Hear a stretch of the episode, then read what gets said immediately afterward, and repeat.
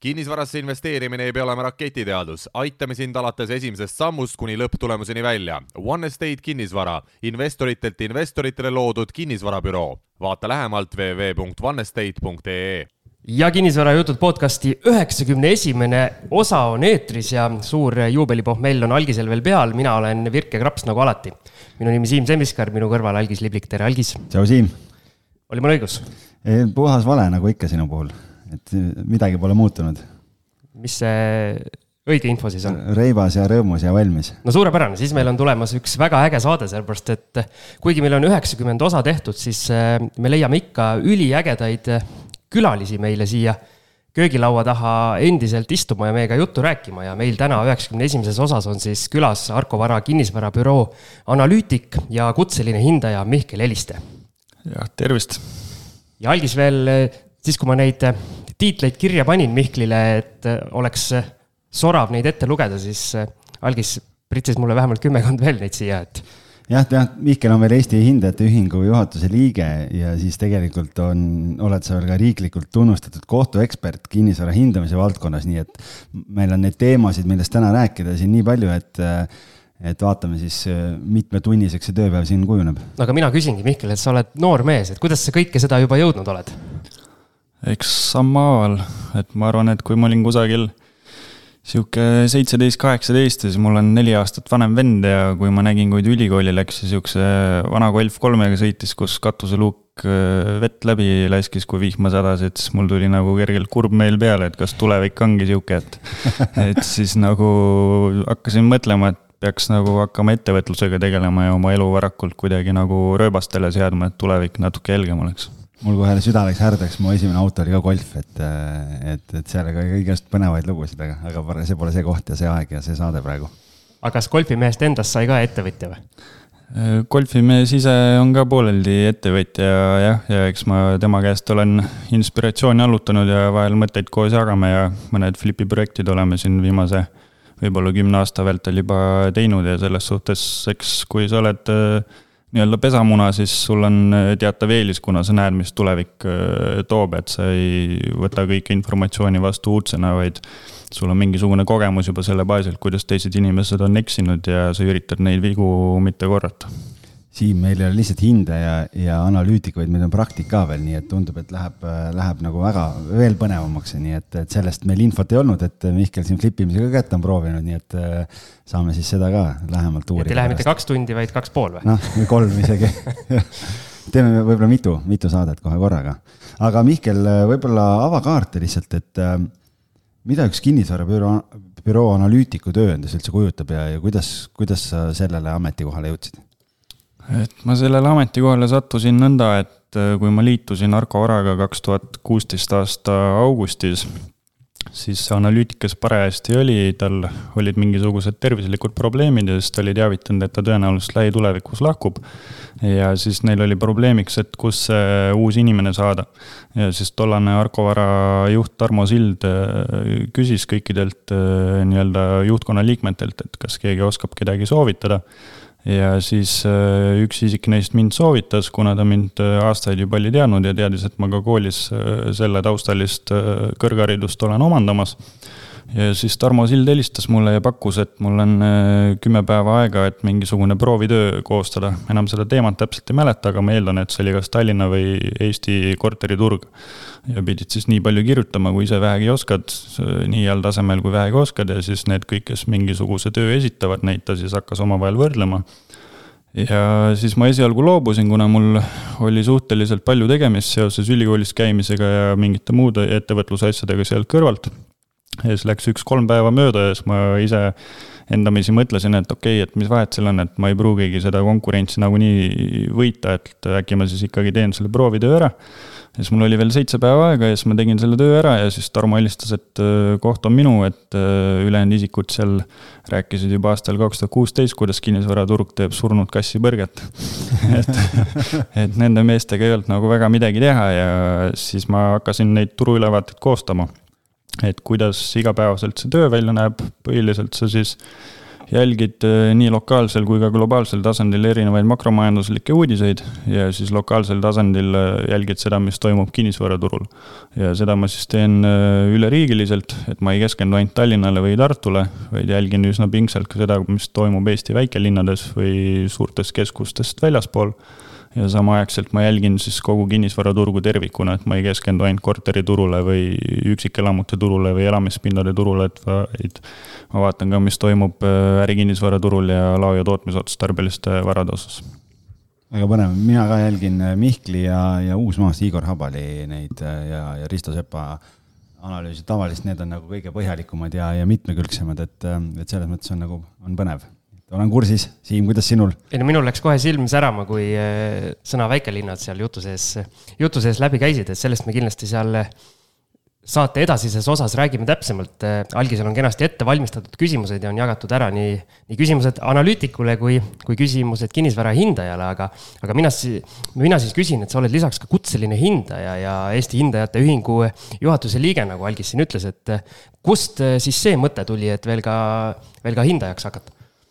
Et kui ma kõigepealt äh, Arko Vara kinnisvarabürooga liitusin, siis mul tegelikult oli juba Arko Vara kinnisvarabüroos käimise nii-öelda kogemus varasemast olemas, ehk siis mul koolis oli kohustuslikus korras vajalik äh, kaks korda teha sihuke õppepraktika. ja kuna ma kinnisvaraturuga olin juba aastaid varem seotud ja ma neid isikuid äh, Arko Vara kinnisvarabüroos, täpsemalt siis Rakvere osakonnas teadsin, ma olen väikelinnast ise pärit, Rakvere poiss ja siis mul oli nende poole nagu väga lihtne pöörduda, et kas te mind suveks võtate sinna. ja siis nad loomulikult olid sellega nõus ja ütleme, see hindaja amet kui selline oli mulle huvi pakkunud juba varasemalt. et see otsus ei tulnud nagu sugugi juhuslikult, et kui ma kunagi kõrghariduse nii-öelda karjääri enne kooli minekut vaatasin, siis mul oli alati sihuke tugev tahe, et ma tahaks jõukas olla et kui sa ei tule sellisest väga jõukast perekonnast, siis äh, mõtled, et äh, tulevik võiks ikka natuke parem olla. ja kuidas seda saavutada, et siis kui mõelda, kus hästi palju raha liigub, siis meil on sisuliselt kaks väga suurt valdkonda, üks on finantsturud ja teine on kinnisvaraturg. ja kolmas võimalus, mis mu peas ringles, oli siis ka see, et kui ma mingi üliedukas jurist oleks, et tõenäoliselt siis saaks ka nagu mersuga sõita ja äkki oleks mingi merevaatega maja ka tulevikus, et sellest mulle juba täitsa piisaks aga siis äh, õigusteadusesse ma nii-öelda tasuta kohale ei saanud, et tol ajal veel äh, oli tasuline õppekava osaliselt. aga ma sain näiteks sisse majandusteaduskonda ja lisaks ma kandideerisin Maaülikooli sellisele alale nagu kinnisvara planeerimine ja kui mõelda, mis siis kinnisvara planeerimine on, siis oma olemuselt sisaldab nii õigusteadust, nii majandust kui ka kinnisvaraturgu. ehk siis mulle justkui see eriala tundus selline, mis võiks olla väga praktiline nii-öelda päriselus. et kui ma oleksin sinna majandusteaduskonda läinud, siis noh, kas see majanduse taust nii-öelda teeb sinust mingisuguse börsikaupleja või mingisuguse muu finantsturgude geeniuse, et ma selles nagu kahtlen, et nendest majandusteadmistest ainuüksi tõenäoliselt ei piisa.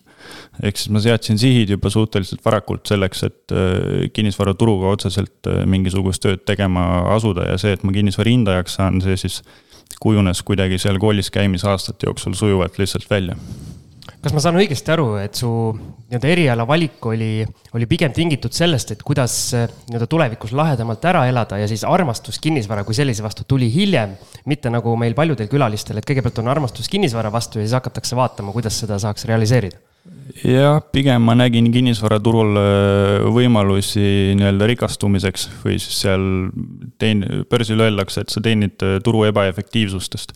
eks ma nägin neid samu võimalusi kinnisvaraturul ja kinnisvara hindamisega seotud teadmiste omandamine on meil lihtsalt teinud nii-öelda teistest turuosalistest äh, edukamaks, kuna mu teadmised on oluliselt laiapõhjalisemad ja mul on igapäevaselt turuinfo käes, mida teistel ei ole minu meelest, kui nii-öelda aktsiaturul selline situatsioon on, siis see on nii-öelda kriminaalne, kui sul on mingit siseinfot või nii-öelda selline, selline eelis, aga kinnisvaras on see igati lubatud ja tervitatav ja, ja seetõttu, seetõttu kinnisvara ongi äge. ma saan aru, et siin on jah, selles mõttes, et eetilisuse piir jääb ikka, et noh, et kui sa hindajana tead, et mingi korter maksab kaheksakümmend tuhat, aga lähed, ütled särasilmil omanikule, et noh, üle kuuekümne ma noh, sind kindlasti ei näe, on ju, noh siis sealt tekivad need, need need äh, küsimused, et äh, kust kindlasti üle ei tohi nagu astuda, aga, aga, aga noh, eks see on, jääb iga turuosalise oma südametunnistuse peale ei tea, mis, mis sina kostad selle peale?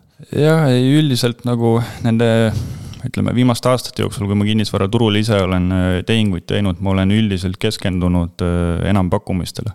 mulle hirmsasti meeldivad äh, täite- ja pankrotimenetlused näiteks ja mulle meeldivad varad, mis on hirmsasti juriidiliselt probleemsed. sest need hoiavad konkurentsi eemal ja kuna mul on teadmised, kuidas neid juriidilisi probleeme lahendada ja lahendada suhteliselt väikeste kulutustega, siis mul on selgelt nii-öelda eelis ma näen siin mingeid väikseid selliseid masohhismi ilminguid, et mida raskem, seda parem. jah, mida koledam ja mida raskem, seda parem. kuule, aga mulle tundub, et siin on kindlasti mingiks boonusosaks on äh, ainest, et, äh, et kus me saame võib-olla sinna natukene rohkem siis sügavuti kaevata, sest vaevalt, et sa siin kõiki ärisaladusi tahad välja rääkida selle koha pealt, et ja muid teemasid millest rääkida on nii palju, nii et, et vaatame siis, kas me jõuame sinna minna või jätame boonusosa jaoks.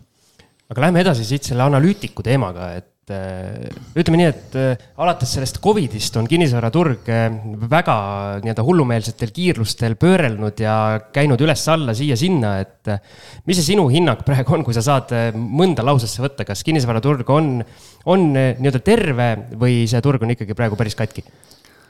ütleme nii, et ta oli veel mõnda aega päris terve ja olid kartused, et asi võib nagu hakata käest ära minema, aga tänaseks me oleme jõudnud sinna, kus võib nagu käsi südamel öelda, et asjad ei ole enam sugugi normaalsed. et see tarbija käitumine on liiga eufooriline ja hinnakasv on liiga kiire, et kui meil sellel aastal keskmise brutopalga kasv kiireneb kusagil kümne protsendi lähedal, aga meil endiselt elamispindade hinnakasv on kusagil kolmkümmend protsenti aastas. see viitab selgelt elamispinna kättesaadavuse halvenemisele, mis omakorda viitajaga viib turuaktiivsuse languseni, mida me juba see aasta siis esimeses pooles oleme ka suhteliselt laiapõhjaliselt juba Eestis näinud. ja nüüd omakorda viitajaga sellele tõenäoliselt hakkab järgnema pakkumiste arvu kasv ja kui pakkumine hakkab kasvama, siis see toob ka hinnakasvu tempo allapoole. ja see, et hinnakasvu tempo allapoole tuleb, seda siis osaliselt kinnitab ka see, et äh, euroala monetaarpoliitilised muutused on äh, sellised, et intressimäärad hakkavad tõenäoliselt taas ülespoole minema. ja viimase kümnendi vältel siis kinnisvaraturgu on oluliselt elavdanud just see väga lihtsasti ja hästi ja laiapõhjaliselt kättesaadav odav laenuraha et ma arvan, see on sihuke esimene muutus, mis äh, lähiaastate osas äh, toob mingisuguseid struktuurseid äh, erinevusi sellest, mis siin oli aastatel, ütleme kaks tuhat kuusteist kuni kaks tuhat kakskümmend üks. hästi palju on räägitud sellest, et uusarenduste puhul noh, seda ehit-, ehitusmahtu on selgelt vähem, kui peaks, on ju, ja, ja me ei räägi siin sadadest korteritest, mis on puudu, vaid, vaid siin tuhat, tuhat viissada olen mina kuulnud, et et ähm, kus sa seda pakkumiste kasvu sellisel juhul näed, et järelturu korterite puhul siis inimestel tekivad probleemid ja, ja on vaja hakata müüma või, või kust see kasv tulla saab üldse? et kui me järelturgu vaatame, siis pakkumine on äh, eeskätt Tallinnas selle aasta algusest siis sisuliselt pidevalt igakuiselt juba tõusnud ja ka uute korterite pakkumine mõnevõrra on juba hakanud suurenema, et sellel aastal me esialgu ootasime, et uusi kortereid tuleb pakkumisse Tallinnas kusagil kolm tuhat viissada tükki. et peale seda, kui see Ukraina sõda tuli ja kui oli nagu ilmselge peale seda, et ehitushinnad jätkavad väga kiirelt kasvu, siis ütleme, selle prognoosi võib nii-öelda ajaloo prügikasti kirjutada, et see uute korterite pakkumise kasv tuleb oluliselt mõõdukam see aasta. aga ma tõenäoliselt arvan, et meil on turul väga palju arendusprojekte, mis on nii-öelda passiivsed ja kui arendajad taas nii-öelda tegutsemiskindluse kätte saavad, siis tõenäoliselt järgmine aasta nad siiski hakkavad neid projekte algatama. ehk siis need turul prognoositud muutused tulevad lihtsalt tõenäoliselt viitajaga su eelmisest vastusest mul jäi, mul jäi kõrva selline väljend nagu hinnakasvu pidurdumine. et kas sul mm, -hmm. oli see sul teadlikult öeldud selles mõttes, et, et kas see hinna, hinnakasv siis tõesti pidurdub või sina näed mingit ikkagi kriisi ka kuskil terendamas, mis võib tuua samamoodi miinus kakskümmend, miinus kolmkümmend, paljud siin ootavad isegi, et kõik lendab miinus viiskümmend protsenti odavamaks, et raha valmis, et hakkame ainult ostma. et ütleme nii, et äh, tänasel hetkel veel, kus meil nii-öelda tööpuudus on suhteliselt madal ja me ei näe olulist tööpuuduse kasvu, siin äh, mõni aeg tagasi tuli Eesti Panga uus prognoos kus siis tööpuuduse kasvu kõikide nende kriiside taustal hetkel korrigeeriti hoopis allapoole. ja majanduskasvu korrigeeriti ülespoole, ehk siis ettevaatavalt justkui prognoosid on läinud paremaks makromajandusliku keskkonna osas ja niikaua, kuni meil tööpuudus ei ole oluliselt suurenenud, siis ma ei saa nagu prognoosida väga seda, et hinnad peaksid täna langema. aga siin on üks suur aga, et kui ma kasvõi kinnisvara hindajana vaatan, mis turul toimub, siis äh, mulle jääb silma järjest rohkem pelgalt spekulatiivset pakkumist ja seal taga ei ole siis juba ainult ettevõtted, vaid ka üksikobjektid, mida üritavad müüa eraisikud või mingisugused ühe mehe ettevõtted, et kui sa täna lähed turule ja ostad korteri saja tuhande eest ja mitte midagi ei tee ja paned selle tagasi müüki saja viiekümnega, et see selgelt viitab nagu ütleme, buumi üleminekule mingisugusesse mullistumisse. et ma arvan, et et äh, vähemalt pakkumishindade osas on suhteliselt tõenäoline, et lähima kaheteist kuu vältel tuleb äh, mingisugune korrektuur allapoole. kas see viib ka nüüd äh, tehinguhindade languseni? no seda täna nagu on raske öelda, et kui meil tööpuuduse kasv tuleb oodatust suurem, laenuraha kallineb oodatust kiiremini või kui pankade laenu väljastamises peaks toimuma mingisuguseid muutusi, et enam eluasemelaenu jaoks kõik ei kvalifitseeru Äh, siis on nagu põhjust hakata mõtlema selles osas, mis selle taustal teevad äh, kinnisvara hinnad. aga täna needsamad objektid, mis turul on, kus pakkumishinnad on lihtsalt äh, suhteliselt lambist üles kruvitud, nende osas ma ei näe, et tehinguid nagunii toimuks. ehk siis, et nad lõpuks pakkumishinnades allapoole tulevad, on suhteliselt tõenäoline, kuna likviidsus muutub lõpuks lihtsalt niivõrd kehvaks, et see hinnalangetus on ainuke võimalus sealt investeeringust väljuda sa ütlesid, et, et sa oled näinud või noh, turul on näha laiapõhjalist tehingute arvu vähenemist juba, et kui palju siis see tehingute arv kukkunud on nüüd? kui me Eestit tervikuna vaatame, siis selle aasta esimese viie kuu vältel me oleme kusagil kõigest protsendi võrra madalamal kui eelmine aasta. aga selle taustal on siis põhjus selles, et elamispinna kättesaadavuse halvenemise tõttu järjest rohkem potentsiaalseid ostjaid on siirdunud Tallinnast väljapoole ja Tallinnas tehingute arvu langus esimese viie kuu vältel on olnud kusagil kaheksa-üheksa protsendi vahel. ja sealjuures on siis vähenenud äh, nii uute kui ka järelturu korterite tehingute arv.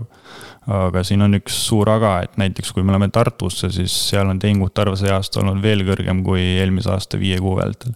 aga üldiselt siis Tallinnas esinevad trendid kipuvad äh, üle kanduma järjest väiksematesse piirkondadesse et äh, on tõenäoliselt ainult aja küsimus, kui see kandub üle ka Tartusse ja kõikidesse Eesti väikelinnadesse ma just tahtsin küsida ja minna nüüd nendesse väikelinnadesse, et kui sa võtad näiteks Tallinn, Tartu ja võib-olla mõni linn veel, mis äh, nii-öelda Eesti mõistes on suur linn versus siis need väikelinnad, et äh, natuke sa rääkisid, aga on seal midagi nii-öelda ühist, kas see, nagu sa ütlesid, et kehtibki, et kõik, mis Tallinnas enne juhtub, juhtub hiljem siis nendes väikelinnades? Üldiselt jah, suurte keskuste trendid kipuvad viitajaga, mis üldiselt jääb sinna keskmiselt kuue kuu juurde kanduma üle väikestesse keskustesse. et selle põhjuseks üldiselt on äh, kinnisvara kallinemine ja kui sul on äh, nii-öelda mingisugune summa kinnisvara ostmiseks, et see sissemaks teha näiteks eluasemelaenule, aga see kinnisvara hind on eest ära läinud, siis sa lähed sellesama rahaga kuskile, kus kinnisvara on odavam ja siin ütleme viimase pooleteise, võib-olla isegi kahe aasta vältel me oleme järjest rohkem näinud seda, et Tallinnast kolistatakse taas äh, väljapoole. minnakse Tallinna lähiümbrusesse, kui ka need laulva revolutsiooni perioodil sündinud isikud lähevad tagasi enda kodulinna, olgu selleks siis Rakvere või Viljandi või Kuressaare või Haapsalu või ka mõni muu väiksem keskus, kuna seal kinnisvara lihtsalt on äh, palju odavam ja kui me vaatame ka väikeste keskuste hinnatõusu viimase aasta vältel, siis ma arvan, pea enamikes väikelinnades saab väita, et hinnatõus on aasta vältel olnud kiirem kui Tallinnas. ja seal on ka põhjus selles, et äh, seda potentsiaali kasvuks on oluliselt rohkem kui Tallinnas, et kui meil on mingisugune korter Tallinnas, mis maksab näiteks kakssada tuhat, siis sealt äh, nii-öelda kakskümmend tuhat kasvu teha on ainult kümme protsenti, aga kui me Rakveres mingisuguse viiekümne tuhandese korteri osas läheme aastaga seitsmekümne tuhande peale, siis protsentuaalselt see on oluliselt rohkem, kuigi absoluutnumbrites see on täpselt samasugune rahaline summa. Esiteks, kui detailselt sa just väikelinnade mõistes oma, oma seda analüüsi teed ja kui detailselt sa kõikidel linnadel silma peal hoiad ja siis ütle meie, meie kuulajatest investoritele ka, et kas on veel mõni selline väiksem koht, kuhu investoril on mõtet minna, kuhu see hinnatõus ei ole veel jõudnud ja kus on potentsiaali? ma arvan, et Eestis tasuks hetkel jätkuvalt vaadata kõiki linnasid, äh, mis äh, omavad mingisuguseid nõukogude pärandeid. ja selle all ma mõtlen seda, et kui me võtame näiteks Tapa linna, mis on ütleme siis alates aastast kaks tuhat kolmteist olnud kõige kiiremini hindade osas kasvanud keskus Eestis, siis äh, Tapa linnas kõige kiiremini hinnalt on kasvanud korterid, mis paiknevad endises sõjaväelinnakus ja neid endisi sõjaväelinnakuid Eesti väikelinnades on suhteliselt suurel äh, hulgal. näiteks Rakveres lennukipiirkond. Äh, ja midagi ma tahtsin veel öelda, ühesõnaga neid, neid kohti on äh, päris palju, ma tahtsin Tartut mainida, et Jaamamõisa näiteks on endine sõjaväelinnaku piirkond, et need on olnud ajalooliselt nii-öelda alahinnatud.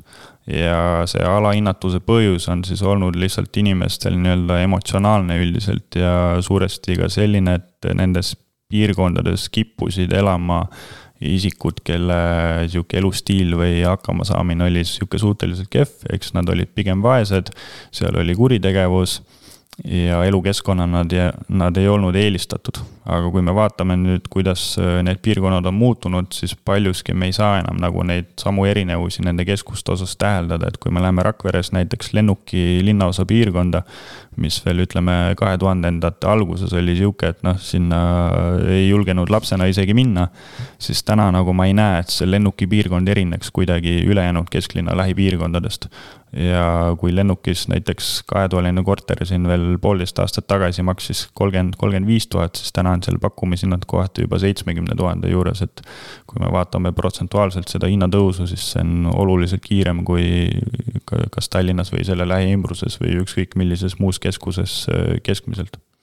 Aga kindel on ka see, et ju mingid eh, nii-öelda päris väiksed nii-öelda kolhoosikeskused või nii-öelda kolhooside kõrvale ehitatud võib-olla viie-kuue paneelmajaga asulad, et mõned neist on päris välja surnud, et kas sa näed, et mõni, mõni eh, ma ei tea, alev või alevike võib veel nii-öelda kaardile tagasi vopsata, või kui on välja surnud, siis on välja surnud jah, selles suhtes ääremaastumine Eestis äh, on endiselt jätkunud ja demograafiliste trendide taustal ma ei näe, et see kuidagi pöörduma asuks.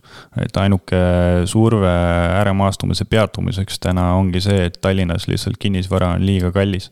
ja selle taustal ma vaataksin väikeseid keskusi, mis jäävad äh, raudtee lähistele või siis äh, Tallinnast väljuvate suurte magistraalteede äärde, ehk siis Tallinn-Narva maantee, Tallinn-Pärnu, Tallinn-Tartu et Äh, poliitikud siin pidevalt räägivad, et äh, tahavad valglinnastumist nii-öelda või tähendab äh, ääremaastumist peatada ja selle taustal siis üritatakse välja mõelda mingisuguseid toetusi või, või muud subsiidiume, et inimesed väikelinnadesse koliksid aga ma arvan, et selle vastu aitaks oluliselt paremini see, kui tehtaks äh, infrastruktuurilisi muutusi.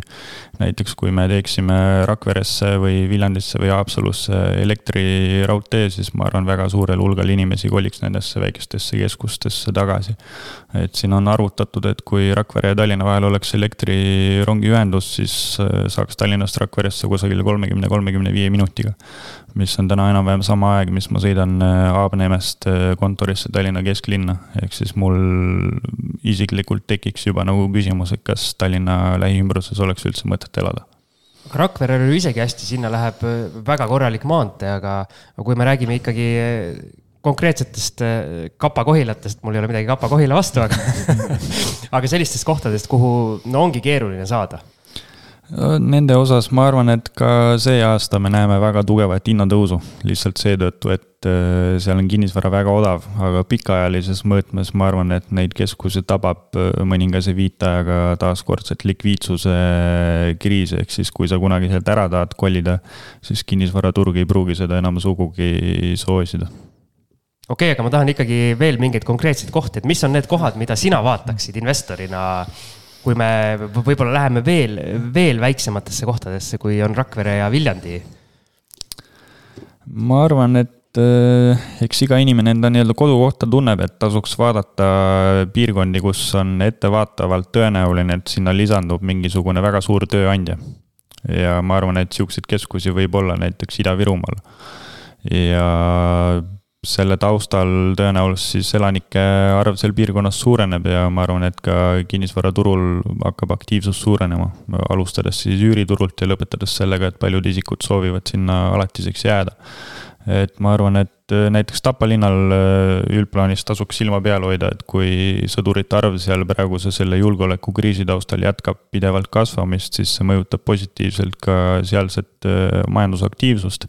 eks needsamad sõdurid käivad seal nii-öelda meelelahutusasutustes, käivad poodides, kohvikutes, kus iganes, et see sisetarbimine loob majandusaktiivsuse paranemist seal piirkonnas ja tõenäoliselt see siis mõjutab positiivselt ka Tapa linna ja selle lähiümbrust et ma ise näiteks hiljuti, noh, paar nädalat tagasi ostsime ühelt enampakkumiselt korteri Vahakulmu külasse, mis asub Tapa lähedal, jah. korter maksis viis tuhat, minu arvutuste järgi turuväärtus on viisteist.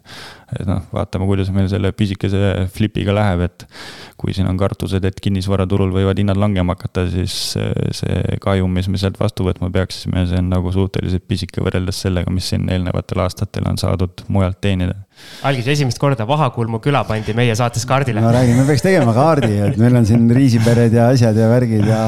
riisipere on päris suur koht. Assamallad ja nüüd on Vahakulmu ka.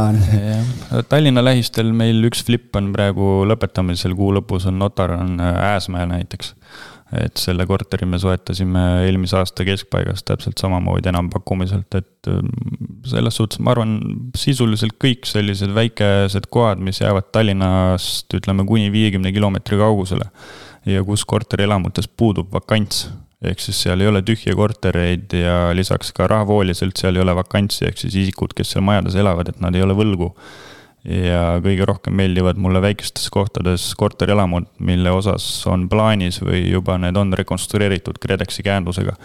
et see korterelamute rekonstrueerimine selgelt viitab sellele, et nende elamute kasulik eluiga on äh, pikendatud ja isikud, kes seal majas elavad, tõenäoliselt on maksevõimelised, sest muidu nad ei oleks seda käendust lihtsalt äh, saanud et sellised majad, kus on juba tühjenevad korterid, äh, neid ma pigem ei vaataks ja ma arvan, äh, nende osas nagu tulevik ei ole väga helge, et. et ma soovitaks vahel inimestel Eestis käia näiteks äh, Kiviõlis või Püssis või, või Kohtla-Järvel järve linnaosas ja vaadata, kuidas seal inimesed elavad, et. kui maja ees on uus X7 ja siis kolmandast korrusest alates on aknad sisse visatud, et see viitab nagu mingisugustele tasakaalustamatustele seal nii majanduslikult kui, kui sotsiaalselt, et aga siis ma küsin veel sellise piirkonna kohta, kui see Tallinna kuldne ring, mis on äh, meeletult, meeletult nii hinnas kasvanud kui populaarsuses kasvanud kui elanikkonnalt kasvanud, et äh, on seal veel kuskile minna? Rae vallad ja Viimsid ja, ja kõik need kohad? kui me vaatame uusi detailplaneeringuid näiteks, mis on kehtestatud, siis äh, lähituleviku osas ma arvan, enim arenduspotentsiaali on Harku ja Saue vallas. et Rae vald küll jätkab endiselt kasvamist aga kuna see Tallinnasse sissepääsemine juba hakkab nagu ummikuks kiskuma, mis sarnaneb äh, Viimsi minevikuga, siis ma arvan, et äh, inimesed hakkavad nagu järjest rohkem ka mingisuguseid muid piirkondi vaatama. Ja kaugemas perspektiivis tõenäoliselt ka Loo-Aleviku lähiümbrus ja muu Jõelähtme vald on niisugune piirkond, kuhu saaks nagu üsna suurel hulgal korterelamuid püstitada. et praegu, kui me Tallinna lähiümbrust vaatame, siis mul hirmsasti hakkab viimasel ajal visuaalselt silma Kiili-Alevi ümbrus, kuhu tuleb uusi maju, et see on täpselt samamoodi niisugune suhteliselt hea Tallinnaga, Tallinna ühendusega piirkond. et ta ei asu enam nii lähedal nagu Jüri või Peetri Alevik, aga ta on siiski suhteliselt lähedal Tallinnale ja kogu see äri, äripool ka ju areneb seal kiiresti, IKEA-d ja kõik, mis sinna tulevad ja, ja ja Restate või kes seal teevad ju neid uusi mingeid äri, ärihooneid, et, et selles mõttes kogu see piirkond tegelikult areneb nagu päris kiiresti, et selles mõttes on ka loogiline, et see elamutaristu tuleb nagu järgi. jah, no täpselt sama praegu Keit Tallinnaga laagri taga, et äh, sinna tuleb meeletus mahus uusi ärihooneid ja varad, mis ma olen hinnanud, äh, on seal ümber teisel pool raudteed või ka Keit Tallinnaga samal pool teed, et ütleme siin lähima viie aasta vältel seal saab suhteliselt suur hulk uusi detailplaneeringuid kehtestatud, kus on kümnetes tuhandetes ruutmeetrites uusi kortereid. aga minu küsimus ongi, ma arvan, see on paljudel, aga ei julgeta välja küsida või välja öelda, et kust need inimesed tulevad, kes kõikidesse nendesse uusarendustesse elama lähevad? eks Tallinna elanike arv on võrreldes näiteks aastaga kaks tuhat kuus või seitse oluliselt tõusnud et selles suhtes äh, elukondliku kinnisvara järgne nõudlus on lihtsalt äh, suurenenud. ja ma arvan, et lähima kümnendi vältel Tallinnasse sisseränne mujalt Eestist tõenäoliselt äh, väheneb võrreldes sellega, mis ta nüüd vahepeal on olnud. aga ütleme, kui me vaatame elamufondi, siis kui palju on meil seda, mis on ehitatud nõukogude perioodil ja kui palju meil on seda, mis on kaasaegne, siis see erinevus on kusagil viisteist protsenti vastu kaheksakümmend viite protsenti Tallinnas, et ma arvan, järjest rohkem on neid inimesi, kes tahaksid uues äh, korteris lihtsalt elada. ja pigem olen mures nagu perspektiivis selle pärast, mis toimub just äh, järelturul, mitte äh, uute korterite lõikes. ja kuna ehitamine läheb pidevalt kallimaks ja kes tahab uut korterit omada, siis ma arvan, neist järjest rohkem on nõus siirduma Tallinnast väljapoole. aga minu küsimus on siis veel edasi, et kas neid kui inimesed ära kolivad, kas kuskil ikkagi mingeid vanu maju nagu lükatakse maatasa ka, et eh, meil ju rahvastik ei kasva, okei okay,, selle Ukraina kriisiga nüüd eh, need sõjapõgenikud tulid, mõned neist või mingi arv võib-olla jääb siia, võib-olla ei jää, me ei tea, aga üldiselt meil rahvastik ei kasva, et kuskil, kuskil midagi justkui peab tühjaks jääma, kui need inimesed kolivad eh, uutesse, uutesse korteritesse. jah, eks see tühjenemine tuleb jätkuvalt ülejäänud Eesti arvelt et Ida-Virumaalt kolib Tallinnasse iga-aastaselt, kui ma peast ei eksi, kusagil tuhande, tuhande viiesaja vahel äh, inimesi. ja eks see tuleb nendesamade Kiviõlide ja Järve ja Narva ja Sillamäe ja mingil määral ka Jõhvi arvelt, et.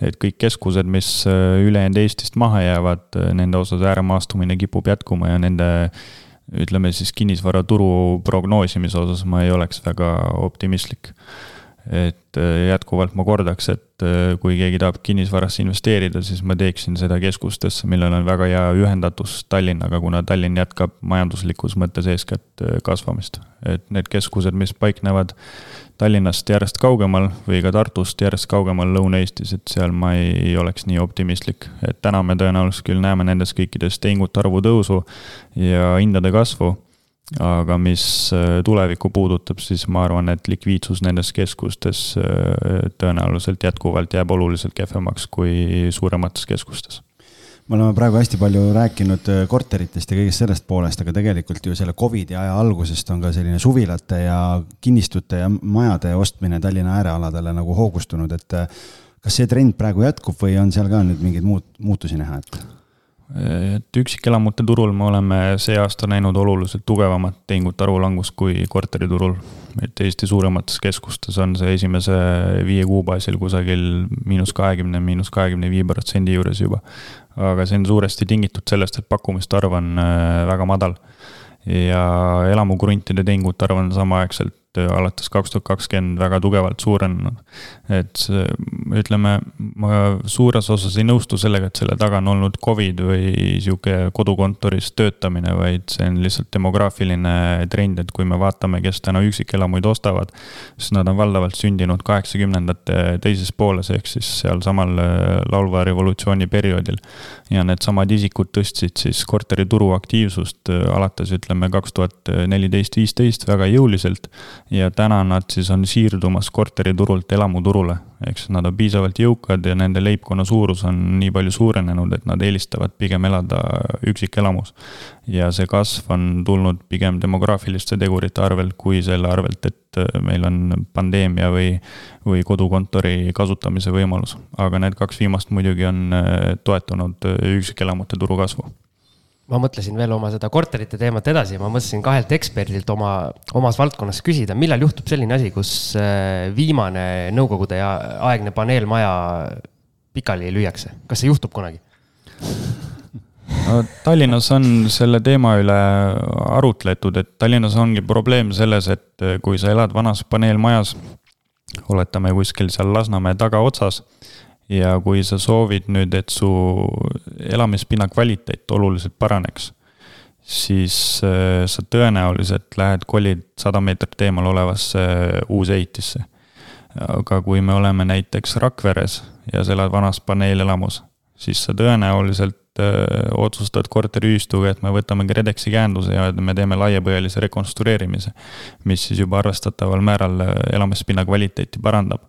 aga Tallinnas seda käendust väga ei soovita kasutada ja kui me läheme Ida-Virumaale, siis seal eeskätt Narvas on probleem selles, et seal noh, esiteks on ka see maksevõime probleem, aga teiseks seal on keskküttekulud oluliselt väiksemad kui mujal Eestis. ja neil lihtsalt ei ole motivatsiooni neid maju rekonstrueerida, aga samaaegselt neil ka uusi ehitisi sisuliselt eh, ei ole et ma arvan, et äh, Tallinnas see probleem varem või hiljem kerkib esile, et äh, majad on rekonstrueerimata, küttekulud on kõrged.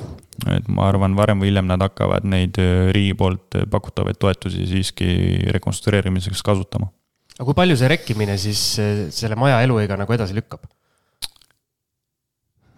eks see sõltub, millise rekonstrueerimisega tegemist on, aga üldiselt ma arvan, see kasulik eluiga võiks pikeneda seal vähemalt äh, nelikümmend, võib-olla isegi viiskümmend aastat, kui me neid ehitusprojekte äh, loeme. et enamus nendest kuuekümnendatel ehitatud elamutest ju tegelikkuses projekteeriti kusagil kahekümne viieks või kolmekümneks aastaks, kui ma peast ei eksi, et see aeg on nagu ammu ümber.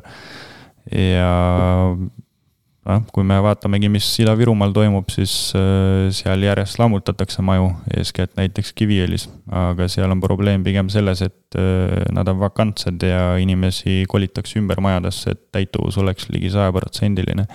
et ma ei usu nagu, et Tallinnas äh, lähima kümnendi vältel hakkab tekkima korterelamuid, mis tühjenevad selle, ütleme, analoogsetel põhjustel nagu Ida-Virumaal aga see, et elamufondi kvaliteet nagu ehituslikult vanemate elamute osas oluliselt ei parane lähitulevikus, selles ma olen suhteliselt kindel.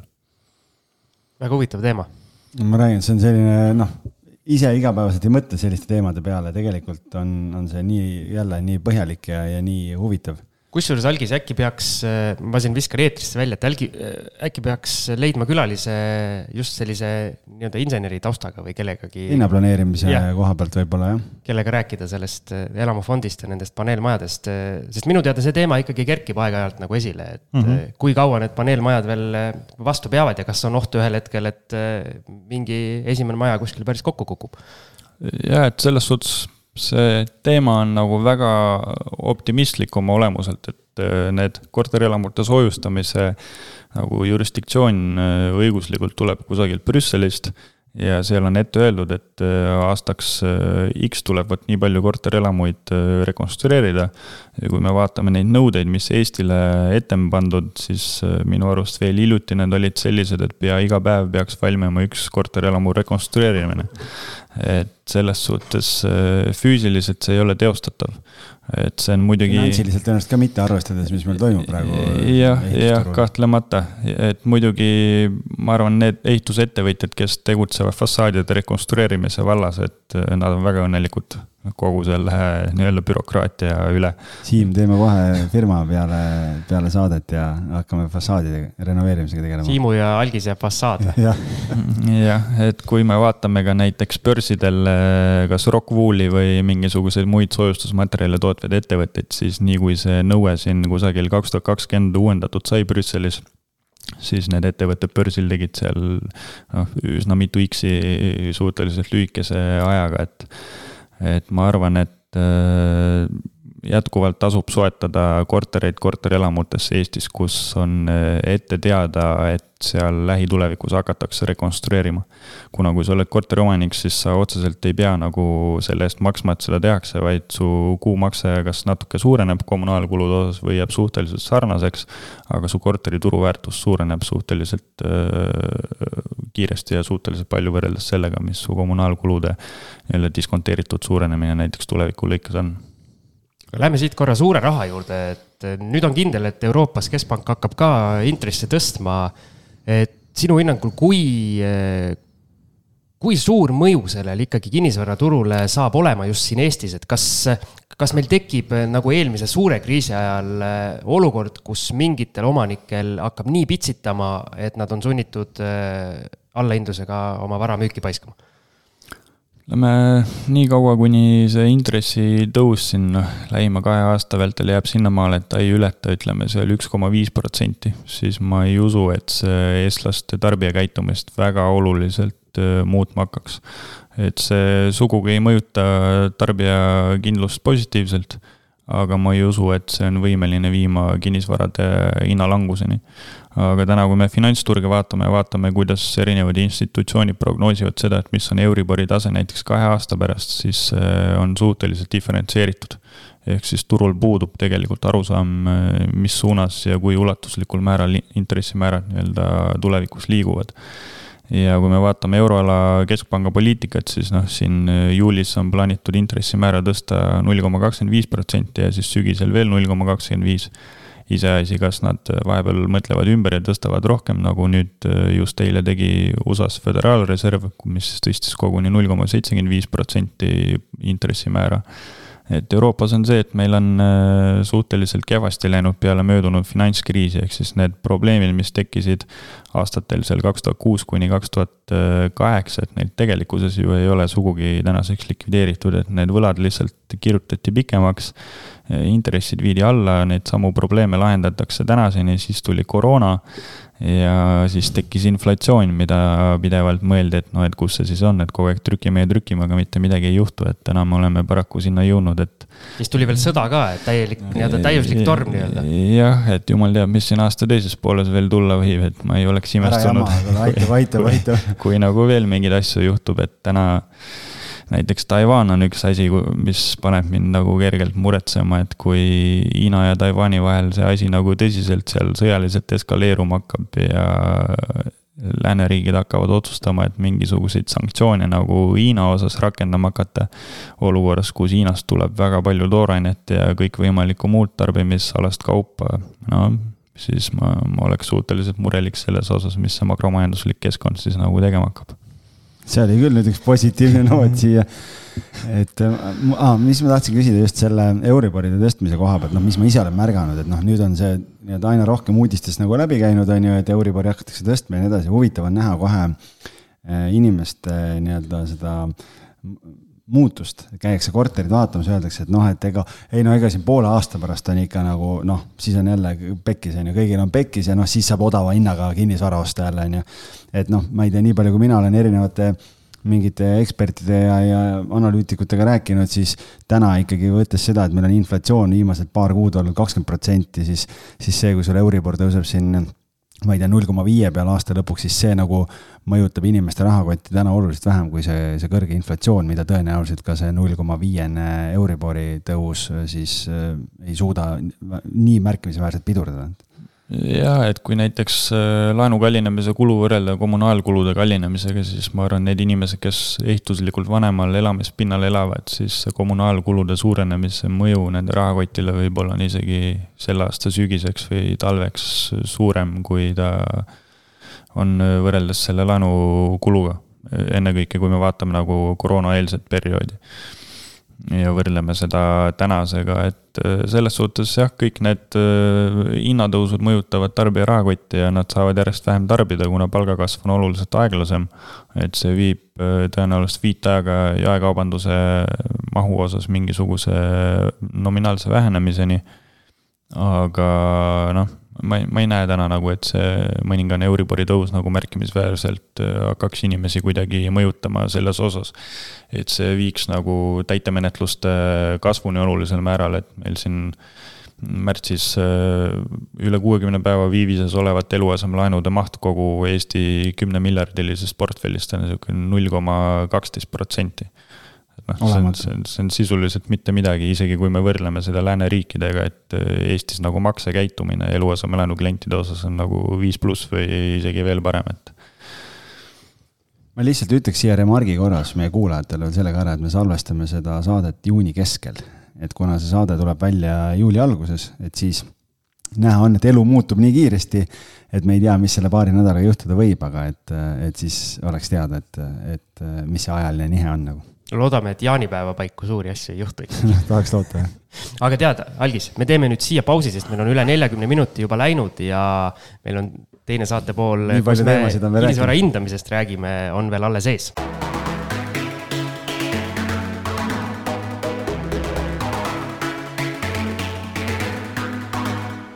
ja oleme väikeselt pausilt tagasi, Algis veel mälub siin viimast küpsist, aga. no nii hea. on jah meil on jälle laud kaetud, nii palju, kui seda katmiseks saab nimetada on nii? minimaalne vajalik on tehtud. aga meie lähme nüüd edasi. ja meil on ju vaja veel Mihkliga ka puudutada see hindamise pool ja sa rääkisid saate alguses, kuidas sa hindajaks said, aga palju sul nüüd seda staaži on tänaseks? hindamisega ma olen tegelenud kaks tuhat kuusteist aasta augustist. kuus aastat kohe siis juba jah. Ma ei tea, kas see on hindajate puhul lühike või pikk staaž? ma arvan, sihuke Eesti turul võib-olla keskmine, aga mis mind võib-olla teistest eristab, äh, et ma suhteliselt kiiresti saavutasin maksimaalse võimaliku kutsetaseme, mis olemas äh, on ja sel hetkel, kui ma selle sain, siis ma olin ka kõige noorem nii-öelda seitsmenda taseme hindaja, kes Eestis tol hetkel oli. mis see seitsmes tase võrreldes selle kuuendaga annab? Sa saad allkirjastada ka ärikinnisvaraga seotud töid ja sa saad hinnata hoonestamata maad, mis ei ole elamumaa. et kui sa oled kuuenda taseme hindaja, siis sa saad ise allkirjastada elukondliku kinnisvara eksperthinnanguid. ja kui sa viies tase oled, siis sa koostada võid kõiki, aga allkirjastada ei saa mitte ühtegi aga kuidas see nii-öelda hindajaks saamine käib, et äh, siin algis on kirja ka pannud, et meil neljateistkümnendas saates käis, käis Tomuse kinnisvarast hindaja Anu Alatsei, kes äh, rääkis meile ka hindamisest, et kes ei ole kuulanud, otsige see päris vana saade üles ja kuulake see ka läbi, aga kuidas siis see hindajaks saamine meil siin Eestis käib? Et alustuseks on vaja mm, kutseeksam teha, et kui sa tahad viiendat taset sooritada, siis sul piisab keskharidusest, et sul ei pea kõrgharidust isegi olema. ja kui ma peast ei eksi, siis äkki oli kolm kuud töökogemust vaja ehk siis põhimõtteliselt, kui sa lähed kuskile praktikale, oled seal mingisugune hindaja assistent paar kuud, siis sa saad juba esitada taotluse, et sa tahad minna hindaja eksamile. ja üldiselt need viienda taseme eksamid toimuvad siis nii kevadeti kui sügiseti. ja tavaliselt siis neid uusi isikuid, kes tööle tahavad tulla, võetaksegi tööle näiteks seal kusagil kevade lõpus või suve alguses ja siis sügisel ta saab otse minna eksamile, kui ta selle positiivselt sooritab, sest peale seda ta saab enda tööd igapäevaselt tegema hakata et kui sa tahad nüüd kuuendat taset teha, siis selleks on vaja bakalaureusekraadi ja see kraad peaks siis olema kas majanduse, õigusteaduse või mingisuguse äh, maateadustega seotud valdkonnas. ja kui sa seitsmendat taset tahad teha, siis sul peab olema magistrikraad ühes nendest samadest valdkondadest nii et minu kehakultuuri kraadiga pole hindajana midagi peale hakata. viiendat taset saab teha, aga selles suhtes sellest äh, kõrghariduses selles valdkonnas pole põhimõtteliselt. klaaslagi on ees algis mul ma, ma mõtlesin ka siin, et mina oma, mina oma jah, filoloogi paberid võin, võin taskusse tagasi panna. Nendega ei ole seal midagi pihta hakata. nojah, filoloog ja sportlane räägivad kinnisvarast siin ju. jah. okei okay.. diletandid. muidugi, aga mul oli mingi hea küsimus, Algis segas ära, nii et Algis, sina küsi ja ma küsiks võib-olla jah, et, ähm, et me küsisime Anu käest kunagi ka sellesama küsimuse, et mis on hindaja töö juures kõige paremad ja halvemad küljed võib-olla, mida nagu asjasse puutuvad inimesed ei tea? kõige paremad võib-olla, ma ei tea, üheksakümmend viis protsenti ajast ma teen kodukontoris tööd näiteks. eks mul ei ole igapäevaselt vaja kontoris käia või niisama kuskil kolleegidega aega viita, et aeg on mu enda oma ja käive, mis ma teen, on ka nii-öelda subjektiivne, et keegi ei ütle mulle ette, palju ma seda otseselt tegema pean, niikaua kuni eh, minu kulutused seal ettevõttes ületavad või tulud ületavad kulutusi. et selles suhtes mulle väga meeldib see, et ma olen ise nii-öelda enda aja peremees ja ma saan eh, vajadusel tööd teha kas nädalavahetusel või õhtuti või kuidas iganes soovid, et sul ei ole otseselt mingisugust graafikut ja kõik kokkulepped on klientidega täpselt sellised, nagu sa ise need teed. et ma arvan, see on sihuke kõige positiivsem asi selle juures, et kui negatiivsetest rääkida, mm, noh, siis võib-olla see, et äh, su kutse kehtib ainult viis aastat. ja kui see viis aastat läbi saab, siis sa äh, pead minema kutse taastõendamisele või kui sa auditeerimisel, mis on siis hindajate nii-öelda järelevalve, kui sa seal oled saanud rahuldava tulemuse, siis sa pead minema seda eksamit otsast peale tegema.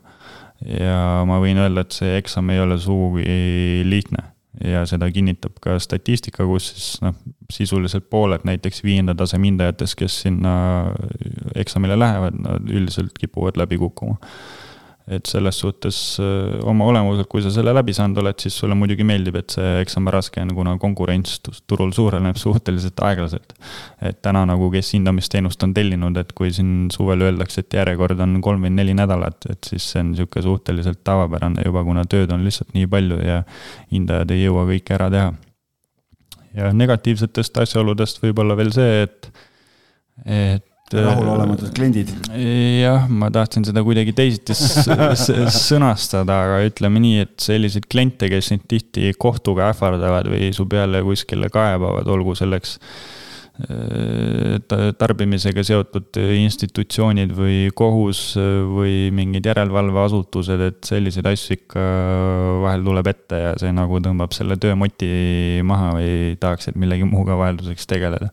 aga õnneks nagu laias laastus selliste asjade osakaal on suhteliselt väike ma ei näe nagu midagi väga negatiivset. oled sa mõne sellise kliendiga nii-öelda diskussiooni ka asunud või füüsilisse või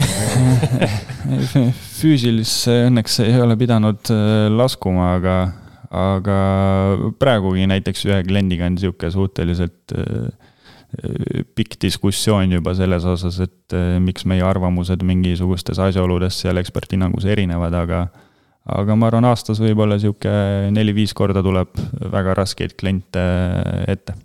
see, nii-öelda mina või mul tuleb kohe võrdlus, et eh, see on täpselt samamoodi nagu lapsevanemad õpetavad õpetajaid, kuidas tuleks õpetada. kuidas näiteks pealtvaatajad õpetavad eh, korvpallikohtunikke, kuidas tuleks vilistada. et eh, see nagu tundub sama sama olema. õpetatakse inimest, kes on oma ala ekspert, teadmata sellest valdkonnast ilmselt suurt mitte midagi. ja õnneks nagu enamus neid äh, hindamisprotseduure, mis me teeme, need toimuvad sellest kliendist eemal, ehk siis sa teed seda kodus seal arvutis, et sa kohapeal seal lihtsalt käid, pildistad, vaatad asjad üle, küsid mõned küsimused, et seal ei ole nagu väga mingeid tegevusi, kus keegi sind otseselt segada saab. aga selle kõige juures on üks asi, mida pidevalt üritatakse teha ja see on mõjutamine ehk siis, kui sul äh, kodu saamine ripub äh, tuhande euro otsas, sest sul rohkem raha pole, aga hindamistulemus on sada kakskümmend, aga tehinguhind on sada kakskümmend üks, siis noh, inimesed võivad suhteliselt marru vahel minna, aga seal matemaatiliselt lihtsalt ei ole sageli mitte midagi teha, et sa seda olukorda nagu parandada saaksid. ja siis nende koduost võib ära jääda ja jumal teab, mis siis nende lastega ja kogu selle leibkonnaga saab, et, et pigem on üritada mitte mõelda nagu nende probleemide peale, et äh, ka seal kohtumenetlustes tihti sa äh, osaled mingisuguses hindamisprotsessis, kus need põhjused, miks seal kelleltki kodu käest ära võetakse või midagi jagama hakatakse, on nagu siuksed emotsionaalselt suhteliselt traagilised, aga sa peaksid nagu siiski jääma tasakaalutletuks ja ennast mitte mõjutada laskma nendest asjaoludest.